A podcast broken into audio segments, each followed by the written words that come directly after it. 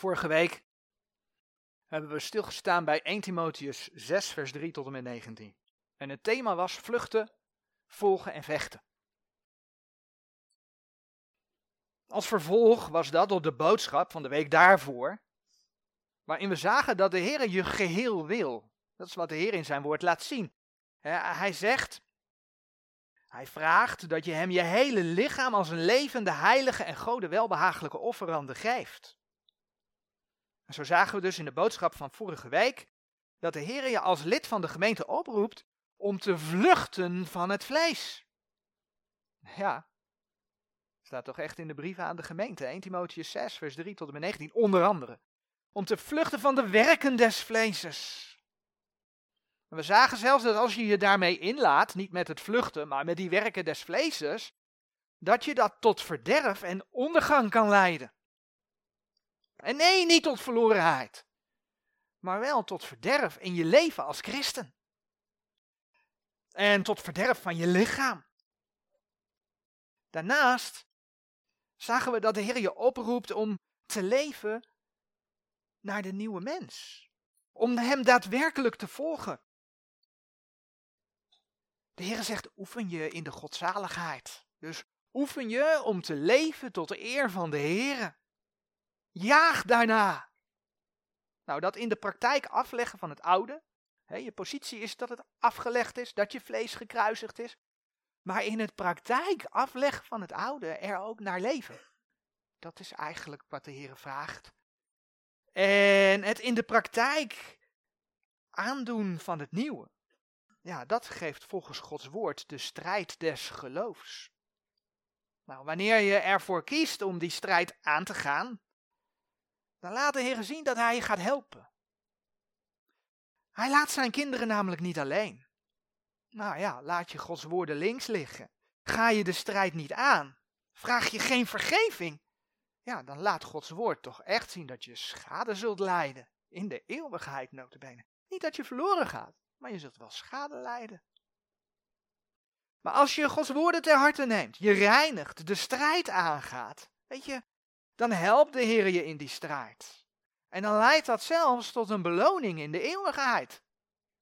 Nou, de tekst die vanmorgen eigenlijk centraal staat is 1 Korinthe 15, vers 58. 1 Korinthe 15, vers 58, waar geschreven staat. Zo dan, mijn geliefde broeders, zijt standvastig. Weer een opdracht, hè? Blijkbaar gaat het allemaal niet vanzelf. Beste broeders, u bent vrijgekocht door de Heer, dus u bent nu ook standvastig. Nee, dat staat er niet. Daar staat zo dan, mijn geliefde broeders, zijt standvastig, onbewegelijk, altijd overvloedig zijnde in het werk des Heren, als die weet dat uw arbeid niet ijdel is in de Heren. Een hele tijd terug ontving ik een mail van iemand. En die persoon stelde dat Bijbelgelovigen zichzelf graag zien in de gezamenlijke verkondiging van hun evangelie als een leger. Dat is dus de woorden van degene die de mail schreef. Die persoon schreef ook. Nu wordt de gemeente Gods vergeleken met van allerlei, maar niet met een leger. En deze persoon stelde de vraag: misschien bevestigt deze attitude, mooi woord hè, deze houding, een sterke behoefte aan romantiek en effectvol handelen? Misschien bevredigt deze attitude een sterke behoefte aan romantiek en effectvol handelen? Deze persoon zag zichzelf in dezelfde mail wel als schaapje in de kudde van de goede herder. De vraag is, heeft deze persoon gelijk? Is het inderdaad zo dat de gemeente niet niet vergeleken wordt met een leger. Nou, het klopt hè. De Heer gebruikt in zijn woord bijvoorbeeld het beeld van een herder en schapen. Dat klopt. En dat beeld dat wordt op de gemeente toegepast. Je kunt dat bijvoorbeeld vinden in 1 Petrus 5 vers 2 en 4. Ik denk eigenlijk dat we dat ook allemaal wel kennen. Dus we gaan die teksten nu niet opzoeken. Zo wordt het leven van een gelovige ook wel weergegeven als een hardloopwedstrijd. Dat kom je tegen in, in 1 Korinthe 9, vers 24 tot en met 27. En de Heer vergelijkt zichzelf ook wel, Matthäus 21, vers 41 en context, met een heer van een wijngaard. Dus er zijn inderdaad allerlei vergelijkingen. Maar is die vergelijking met het leger er dan niet? Want dat is wat die persoon stelde. Nou, vorige week zagen we dat vechten een onderdeel is van het leven van de christen. Er is dus strijd. Er is strijd. Het leven van de christen wordt in Gods woord dan ook wel degelijk weergegeven als de strijd van een soldaat in het leger van de Heer Jezus Christus. Kijk maar, 2 Timotheus 2, vers 3 en 4. 2 Timotheus 2, vers 3 en 4. Gij dan leidt verdrukkingen als een goed, ja het staat er echt, als een goed krijgsknecht van Jezus Christus. Vers 4. Niemand die in de krijg, in de krijg, dient, wordt ingewikkeld in de handelingen des leeftochts, opdat hij die mogen behagen, die hem tot de krijg aangenomen heeft. Gij dan leidt verdrukkingen als een goed krijgsknecht van Jezus Christus. Het heeft dus niks te maken met een behoefte aan romantiek of iets dergelijks. Het is gewoon Gods woord. Gods woord die dat laat zien. Nou, Paulus zegt dit hè, in, in 2 Timotheus 2, natuurlijk in de eerste plaats tegen Timotheus, dat klopt, dat is waar. Maar, ja, en ieder die de Heer Jezus met zijn hele lichaam wil dienen, is in de dienst van de Heer Jezus Christus. Dus dat geldt echt niet alleen voor een voorganger. Hè, Timotheus was voorganger, het geldt echt niet alleen voor de voorganger. Ja, weet je, een voorganger spreekt. Maar dienen is niet alleen spreken, dienen is ook, nou, vul maar in helpen in de gemeente. Het is fijn dat er koffie gezet wordt. Het is fijn dat er iemand s morgens binnenkomt om even te helpen de spullen klaar te zetten. Noem maar wat voorbeelden. Dus dienen gaat veel breder. En als jij dient voor de Heer, dan, dan ben je onderdeel van het leger van de Heer. Dan ben je een krijgsknecht van Jezus Christus. De Heer Jezus wordt in Hebreeën 2 vers 10 wel de overste leidsman genoemd. In de King James staat er dan de captain. En de captain, dat is van oudsher, verwijst dat naar de functie van bevelhebber van een militaire eenheid. Dan lees je dat de Heer terugkomt naar de aarde in openbaring 19, dat de hemel open gaat vanaf vers 11 tot en met 15. En dan gaat hij voorop. En wat volgt hem? De hemelse heerlegers. Die volgen hem om zijn vijanden te verslaan. Dus er is wel degelijk sprake van een leger. Nou, en mensen die trouwe dienstknechten zijn, die worden in de brieven aan de gemeente dus, hebben we net gelezen, goede krijgsknechten genoemd. En wat wordt hen aangeraden als je de Heer volgt? Efeze 6. Doe de gehele wapenrusting Gods aan. En wat heeft die wapenrusting? Een schild des geloofs en een zwaard. Efeze 6, vers 11, vers 16, vers 17. Ja, daar moeten we even voorzichtig zijn. Voor mensen die meeluisteren. Alhoewel de Heer Jezus in zijn woord laat zien, de Heer in zijn woord laat zien, dat de Heer Jezus uiteindelijk zijn vijanden letterlijk gaat verslaan.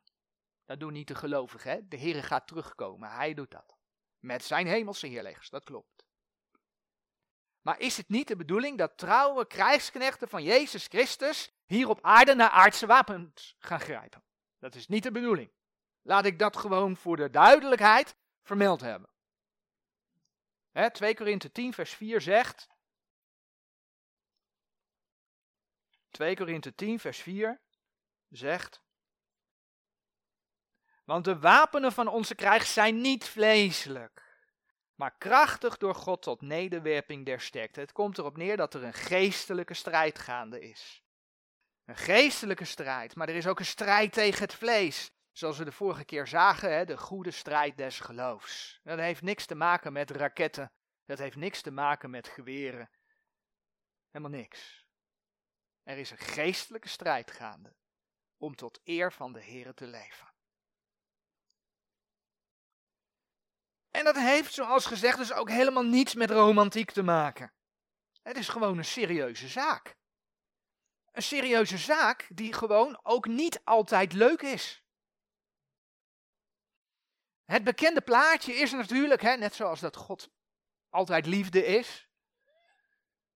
Ja, God is altijd liefde, maar hij is ook, eh, we kennen het, hè, dan wordt alleen maar over liefde gesproken, terwijl God ook, nou, enzovoort, enzovoort.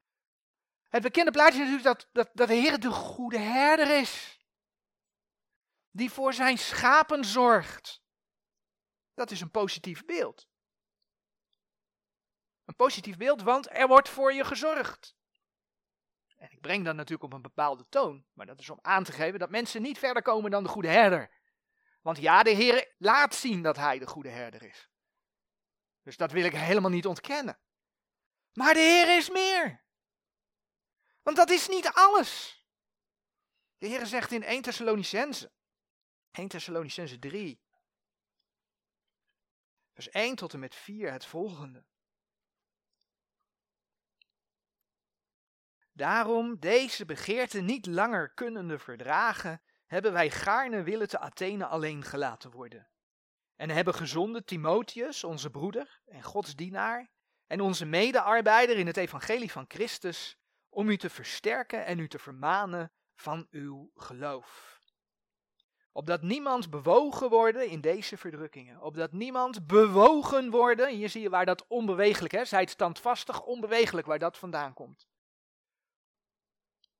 Opdat niemand bewogen worden in deze verdrukkingen, want gij weet zelf dat wij hiertoe gesteld zijn. Want ook toen wij bij u waren, voorzeiden wij u dat wij zouden verdrukt worden, gelijk ook geschied is en gij weet het.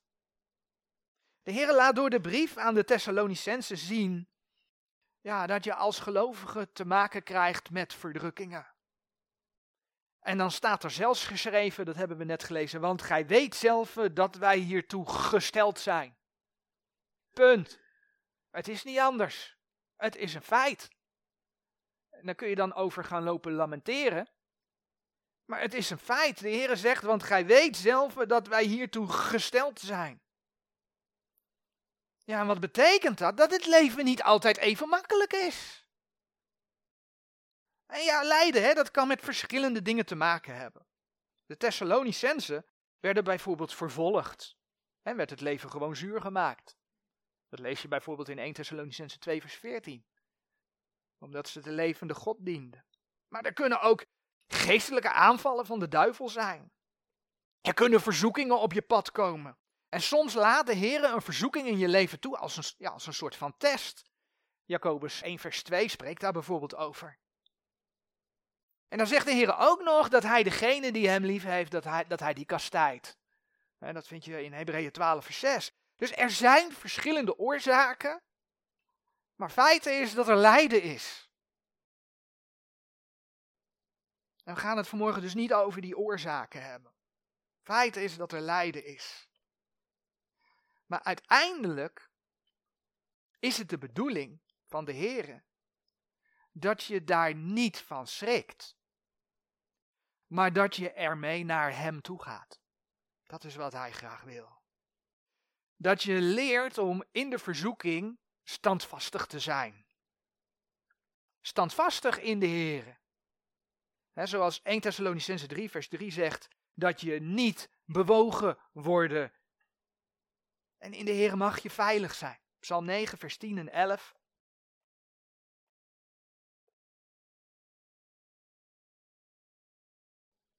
Psalm 9 vers 10 en 11. En de Heere zal een hoog vertrek zijn voor de verdrukte. Een hoog vertrek in tijden van benauwdheid. En die uw naam kennen, zullen op u vertrouwen, omdat gij, heren, niet hebt verlaten degene die u zoeken. De Heer is getrouw.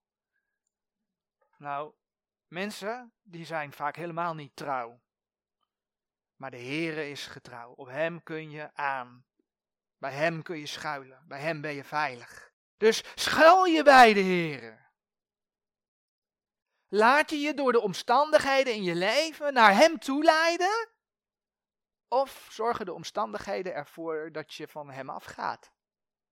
Waar de Heer toe oproept, is om hem juist te blijven dienen, juist in de moeilijkheden.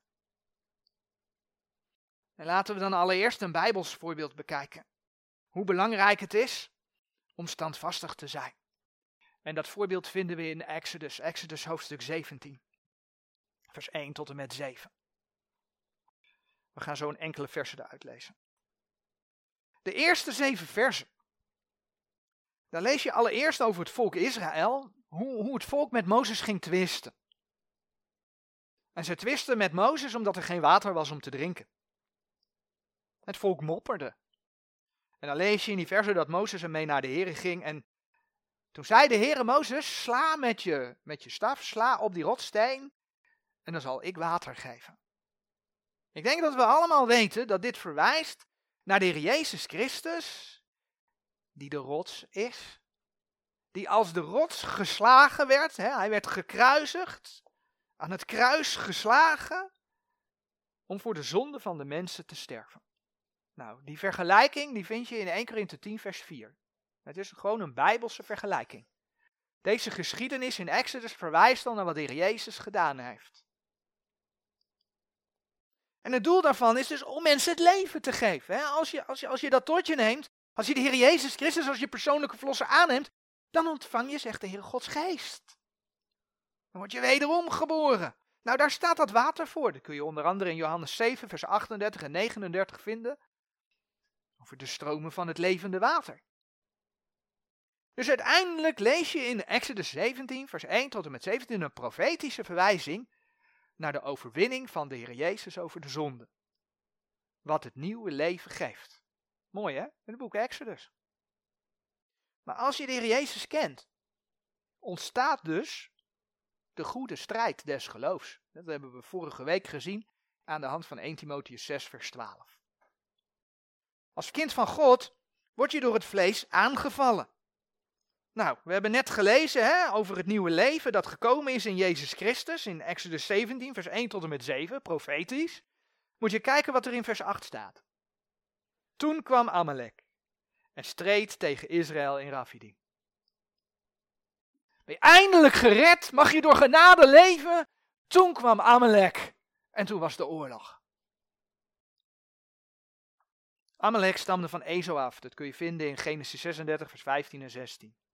En als je dan gaat kijken hoe Esau in de schrift beschreven wordt, Hebreeën 12, vers 16 en 17 bijvoorbeeld, dan is dat iemand die leefde naar het vlees. Nou, daar was Amalek een zoon van. Dus Amalek is een type van het vlees. En zoals Amalek Israël uit het niets aanviel, zo valt het vlees de nieuwe mens uit het niets aan. Dat gebeurt gewoon. Gebeurt gewoon. Dat is die strijd waar gelaten 5 vers 17 over spreekt. Tussen het vlees en de geest. Dus de strijd die zich hier in Exodus 17 ontvouwt, is dus een type van die strijd. Weet je wat het mooie is? Wie mocht tegen Amalek vechten? Kijk maar in vers 9 en 10. Dat was Jozua. Jozua mocht tegen Amalek vechten.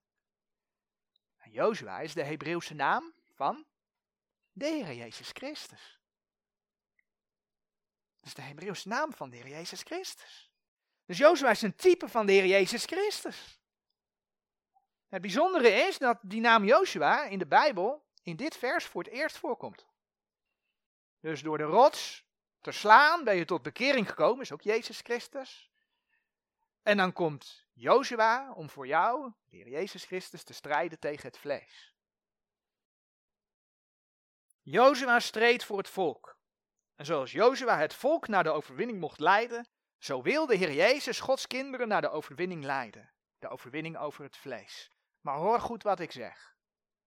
Want het is natuurlijk heel populair om te zeggen, en de Heer Jezus leidt je naar de overwinning van het vlees. Maar zo is het dus nou even net niet. Hij wil jou leiden tot de overwinning van het vlees. Maar wat is jouw wil in dat alles? De vorige twee diensten stonden we daar al bij stil, dat de Heer je wil helpen. Hij wil je helpen als je, hebben we gezien, gehoorzaam buigt voor zijn woord. Want dan zal hij, zegt Filippenzen 2, vers 12 en 13, het willen en het werken naar zijn welbehagen in je uitwerken. Nou, en dat zien we ook heel mooi in deze geschiedenis van Mozes en de strijd van Jozua en het volk tegen Amalek. Kijk maar in vers 11 en 12. En het geschiedde terwijl Mozes zijn hand ophief. Zo was Israël de sterkste. Maar terwijl hij zijn hand nederliet, zo was Amalek de sterkste.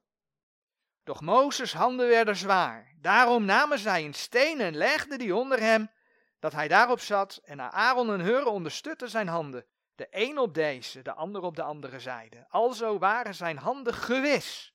Zijn handen waren zeker. Zijn handen waren vast, standvastig. Totdat de zon onderging. En zo werd Amalek verslagen.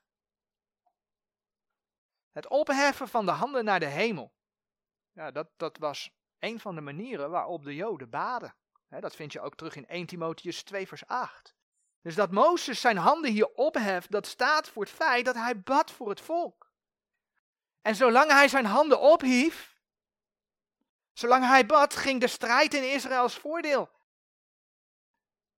Maar zolang zijn handen zwak werden en hij liet ze zakken, hij stopte met bidden, was de strijd in het voordeel voor Amalek. Mozes moest dus stand houden. Mozes moest standvastig zijn. En zo staat er van hem in Exodus 17, vers 12 dus geschreven, ik benadrukte het net al, alzo waren zijn handen gewis. Totdat de zon onderging. En dat geldt dus ook voor de overwinning voor over het vlees.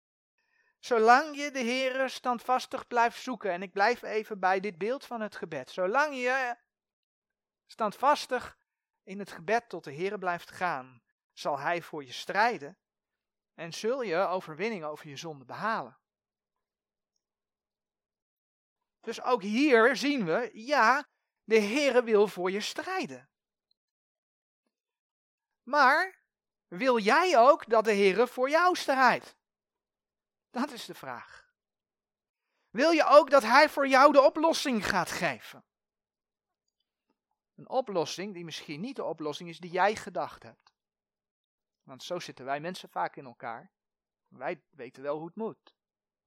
Maar de Heere wil voor je zorgen.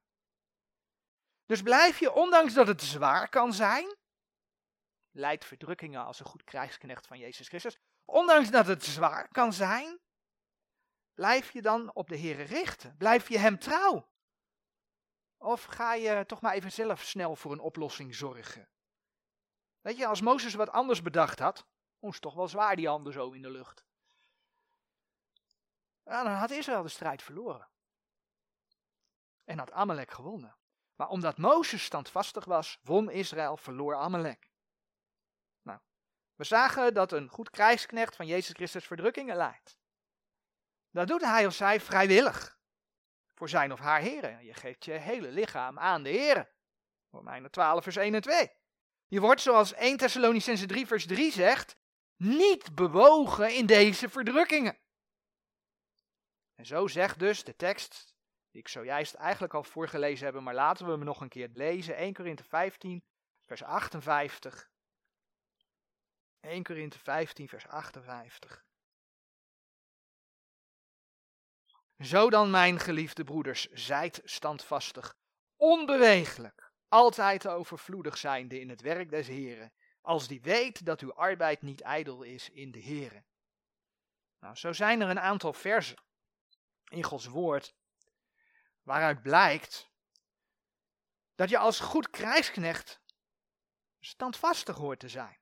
Juist ook als het moeilijk is. Nou, een aantal versen daarvan, daar gaan we gewoon eens naar kijken een heel belangrijk vers erbij, maar die daar gaan we dus niet naar kijken. Alhoewel, je zult merken dat komt er wel doorheen. Dus de wapenrusting aantrekken. Maar deze boodschap gaat dus niet in de eerste plaats over de wapenrusting. je trekt de gehele wapenrusting aan opdat je kunt staande blijven, zegt Gods woord. Dus heel belangrijk die wapenrusting. Maar vanmorgen gaan we naar een aantal andere versen kijken. En we beginnen dan in Jozua 1, vers 8 en 9.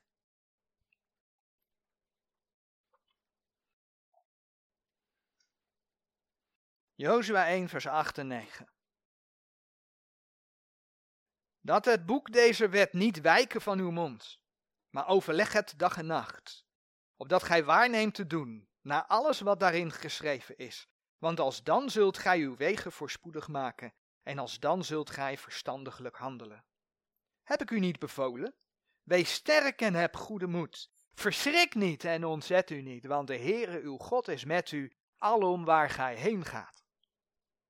En natuurlijk hè, is dit het boek Jozua onder de wet van het Oude Testament. Maar dat neemt niet weg dat dit ook voor de gemeentetijd geldt. En dan kun je zelfs zeggen dat geldt niet alleen voor de wet, het geldt voor het hele woord van God zoals dat ons overgeleverd is. Als je je buigt voor Gods woord, zal Hij je leiden. En betekent dat dat het altijd voor de wind gaat? Want ja, dat is natuurlijk heel modern om te horen. Nee. Zoals we zagen worden we gewaarschuwd voor verdrukkingen, voor lijden, voor strijd. Maar als je je daarin blijft vastklampen aan de Heer, dan zal Hij daarin met je zijn. Dat belooft de Heer. In de brieven aan de gemeente schreef Paulus aan Timotheus in 1 Timotheus 4, vers 10 over het gesmaad worden. Het gesmaad worden omdat ze arbeiden voor de levende God. Nederland heet van oorsprong een christelijk land te zijn. Nou, kom er vandaag de dag maar eens om. Als je laat blijken dat je van de Heer bent, van de Heer wilt zijn, dan heb je kans dat je dat zelfs hier in Nederland al moeilijke situaties oplevert. Waarvan je, nou, al bijna zou kunnen spreken van een soort van vervolging. Nou, in 1 Timotheus 4, vers 10, daar lees je dat Paulus dat, en, Timotheus, dat ze gesmaad werden, omdat ze gehoopt hebben op de levende God. Daar werden ze voor gesmaad.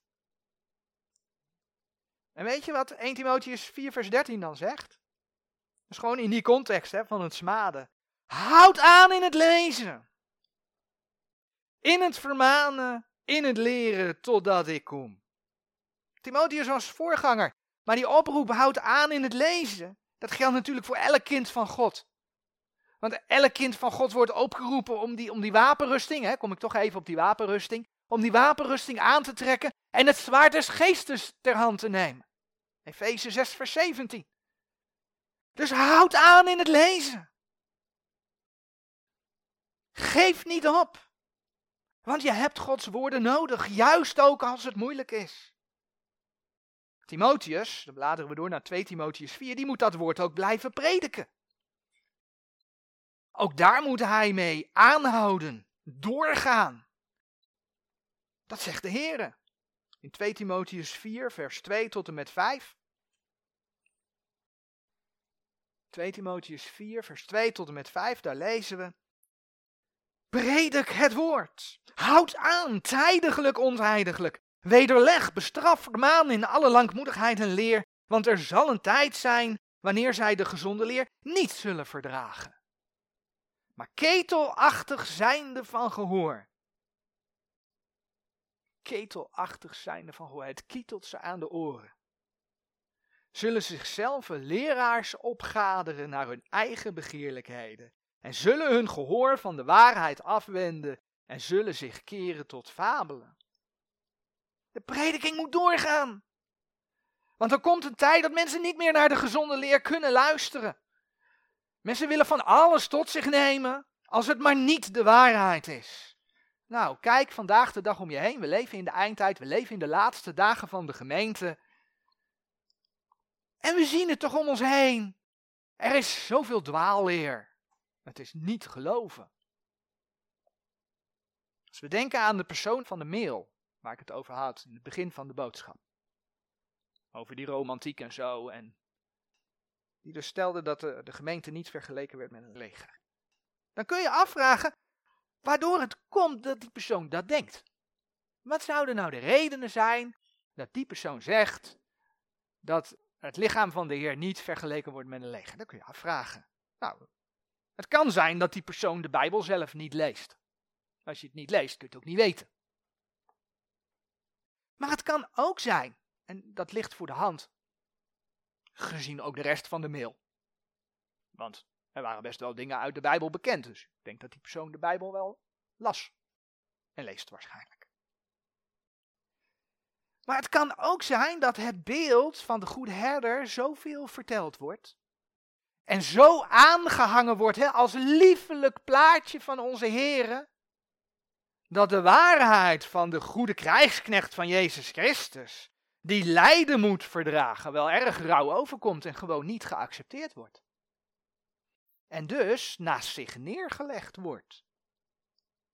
Gods woord wordt dan wel gelezen, maar Gods woord wordt op dat moment niet aangenomen. Gods woord wordt op dat moment niet geloofd. Maar joh, dat is Paulus die het geschreven heeft. Zo wordt vaak geredeneerd als het om de brief van Paulus gaat. Oh, is Paulus maar. Paulus had Gods openbaring van Jezus Christus voor de gemeente ontvangen. Dus het zijn Gods woorden. Dus je kunt het lezen, maar als je het niet aanneemt, ja, dan geloof je het niet. En dan ga je onbijbelse dingen zeggen.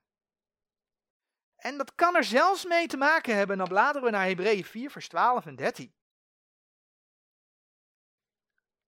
Dat Gods woord pijn kan doen. Niet letterlijk pijn, hè, dat je lichaam gaat bloeden, dat je een wond hebt, maar wel geestelijk pijn. Want ja, wat zegt de Heere God over zijn woord? Hebreeën 4, vers 12 en 13. Want het woord Gods is levend en krachtig en scherp snijdender dan enig tweesnijdend zwaard. Ja, daar staat wel wat, hè? Scherp snijdender dan enig tweesnijdend zwaard. En gaat door tot de verdeling der ziel en des geestes, der samenvoegselen en des mergs en is een oordeler der gedachten en der overleggingen des harten. Niets ontgaat de Heer. Vers 13. En er is geen schepsel onzichtbaar voor hem. Maar alle dingen zijn naakt en geopend voor de ogen desgene met welke wij te doen hebben. Vorige week haalde ik aan dat leren over de gemeentebedeling, de opname en de grote verdrukking, dat dat redelijk makkelijk is. Alhoewel je daar al hele grote verschillen over kunt krijgen, heb ik vorige week ook gezegd, maar toch is dat redelijk makkelijk. Maar preken, preken is het rechtgesneden woord van God toepassen in het dagelijks leven. Dat is spreken. Dat is dus het zwaard van de geest. Ja, dat scherpsnijdender is dan enig tweesnijdend zwaard. Toegepast op je eigen leven. Op de dienst van jouw eigen lichaam aan de Heer. Ja, en dan hebben we dus net gelezen in 2 Timotheus 4 dat dat naast leren ook is wederleggen en bestraffen en vermanen. 2 Timotheus 4, vers 2. En dat is lastig. En ja, dan zie je ook de tegenreactie. De tegenreactie is dan, en dat lees je dan in vers, vers 3. De tegenreactie is om diverse leraren om zich heen te verzamelen. Zodat je kunt horen, kunt luisteren naar een boodschap zoals je het zelf hebben wilt. Zoals je het zelf horen wilt. Kijk maar wat vers 3 zegt van 2 Timotheus 4. Want er zal een tijd zijn wanneer zij de gezonde leer niet zullen verdragen, maar ketelachtig zijnde van gehoor, zullen zij zichzelf leraars opgaderen naar hun eigen begeerlijkheden. Maar zie je ook wat hier staat? Ze vergaderen leraars. Geen predikers.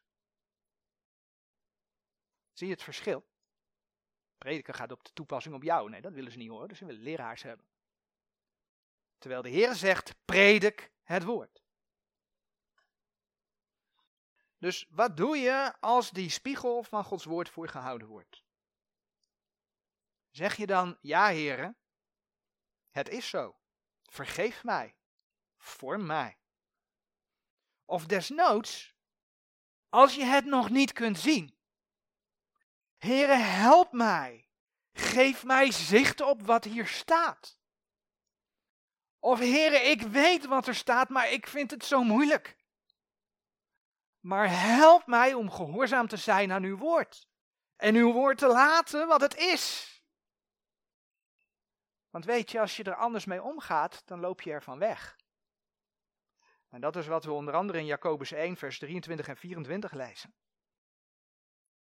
Jacobus 1, vers 23 en 24. Want zo iemand een hoorder is des woords en niet een dader, die is een man gelijk, welke zijn aangeboren aangezicht bemerkt in een spiegel. Want hij heeft zichzelf bemerkt en is weggegaan en heeft terstond vergeten hoedanig hij was. Je kijkt in de spiegel, je doet er niks mee. Je laat het liggen, je neemt het niet aan en dan is het weg, dan ga je het vergeten. Dat is dus een reactie op Gods woord.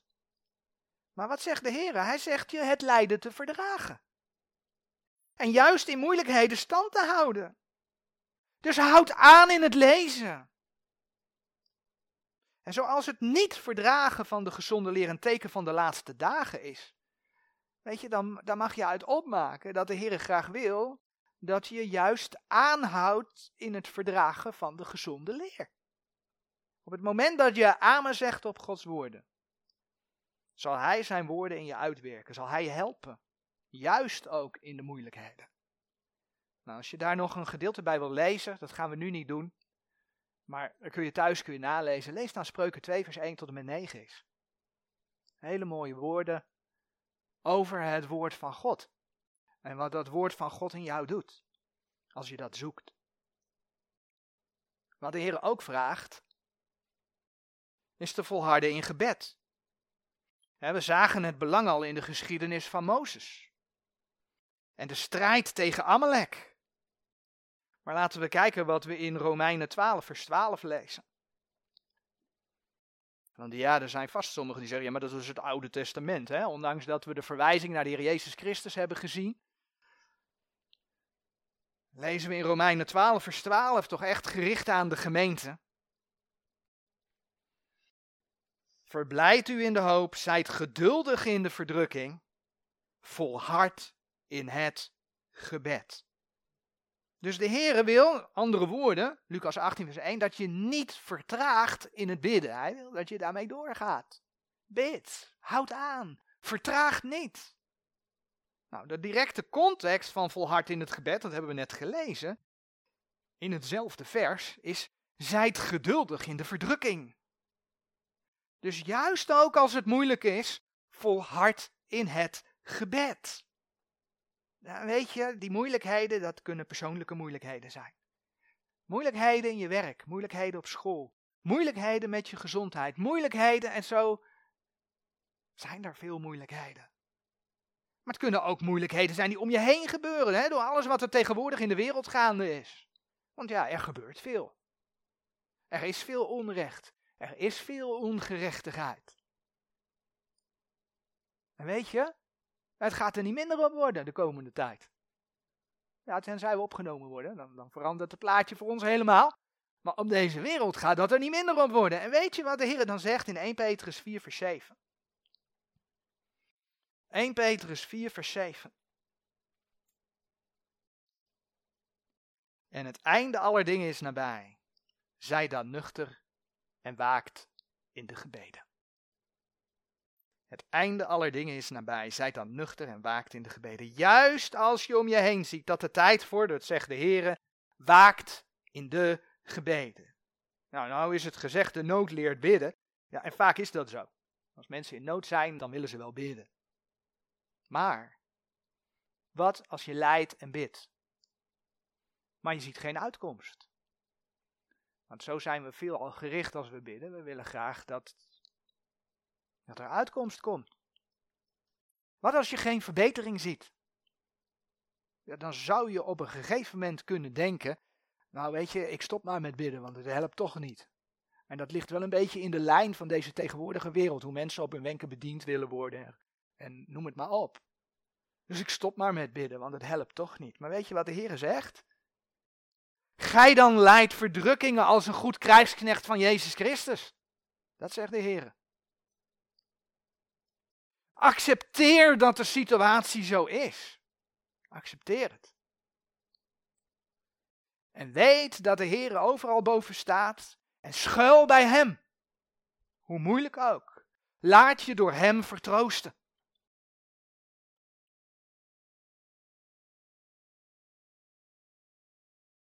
Bij Mozes hebben we gelezen dat zijn handen ondersteund werden. Dat hebben we gelezen in Exodus 17, vers 12. Het was zwaar om alleen te bidden. En daarom werd Mozes geholpen. Zo konden ze samen stand houden. Zo lezen we in Handelingen 12 dat Petrus gevangen genomen werd. En dan lees je in vers 5 van Handelingen 12 het volgende. Petrus dan werd in de gevangenis bewaard, maar van de gemeente werd een gedurig gebed tot God voor hem gedaan. En weet je hoe ze dat deden? Dat deden ze velen tezamen. Kijk maar in vers 12. Ze kwamen samen om samen te bidden. Samen te bidden. Handelingen 12, vers 12. Zo lees je in Handelingen 4, vers 24. Dat de gemeente eendrachtelijk hun stem ophief tot God. Zij deden dat samen. En dan ga ik hem persoonlijk maken. Je wilt toch dat de Heer jou zegent? Je wilt toch dat de Heer zijn werk doet, ook door de woordverkondiging en de straatprediking heen? Maar hoeveel mensen komen er op de bidstond om die handen, om met het voorbeeld van Mozes te spreken, om die handen te helpen omhoog te houden? Weet je, er zijn allerlei redenen om niet te komen. En ja, ik weet, soms is er overmacht. Dat is gewoon zo. Maar ieder weet voor zichzelf wat de reden is. Ik bedoel, in je privéleven maak je toch ook tijd voor dingen? Waarom dan niet tijd maken voor de Heer om samen te bidden? Dus los van die overmacht, hè? Want ik weet, er zijn situaties, dan kan het niet anders. Maar het is heel makkelijk om te zeggen, ik kan niet. Kost het zoveel om één keer in de twee weken als gemeente de stem eendrachtiglijk op te kunnen heffen tot God? Om mee te helpen in zijn dienst, want dat is het. Ik benadrukte in het begin al dat het niet alleen de verkondiging is, maar er zit veel meer aan vast. En je kunt daar een bijdrage in leveren. En één van die bijdragen is bidden, waarvan de Heer zegt, houd aan. Als je daarin meestrijdt, weet je, dan strijd je dus ook voor eigen loon en kroon. Bedenk dat Petrus in 1 Petrus 4 vers 7 schreef, en het einde aller dingen is nabij, zijt dan nuchter en waakt in de gebeden. Nou, we leven in de laatste dagen. Zou het dan niet extra nodig zijn om de handen te komen helpen te ondersteunen? Denk daar eens over na. Een laatste vers die we vanmorgen opzoeken is Hebreeën 10, vers 25. Hebreeën 10, vers 25. Nog een tekst waarin we eigenlijk vinden ja, dat de Heer zegt volhard daarin. Met andere woorden. Maar laten we het lezen en laat ons onze onderlinge bijeenkomst niet nalaten. Dus niet nalaten, niet verzuimen, dus volharden daarin. Gelijk sommigen de gewoonte hebben. Maar elkander vermanen en dat zoveel te meer als gij ziet dat de dag nadert. Juist omdat je ziet dat de tijd op Gods kalender vordert, is het van belang om samen te komen. Om de gemeente te bezoeken. En de Heer zegt, laat niet na. Volhard erin om het wel te doen. Wees daar standvastig in. En ja, er kunnen moeilijkheden komen. Om je heen, privé. Maar wat doe je dan? Ga je dan extra tijd thuis nemen om oplossingen te zoeken? Oftewel, leg je de vermaning van de Heer naast je neer, want jij hebt extra tijd nodig? Ga je dan dus eigenlijk de oplossing ergens anders zoeken? Of volhard je en zoek je de gemeente? Om in de beeldspraak van Gods woord zelf te blijven, krijgsknechten moeten opgevoed worden. Ze moeten geleerd worden om stand te houden te midden van het gevecht.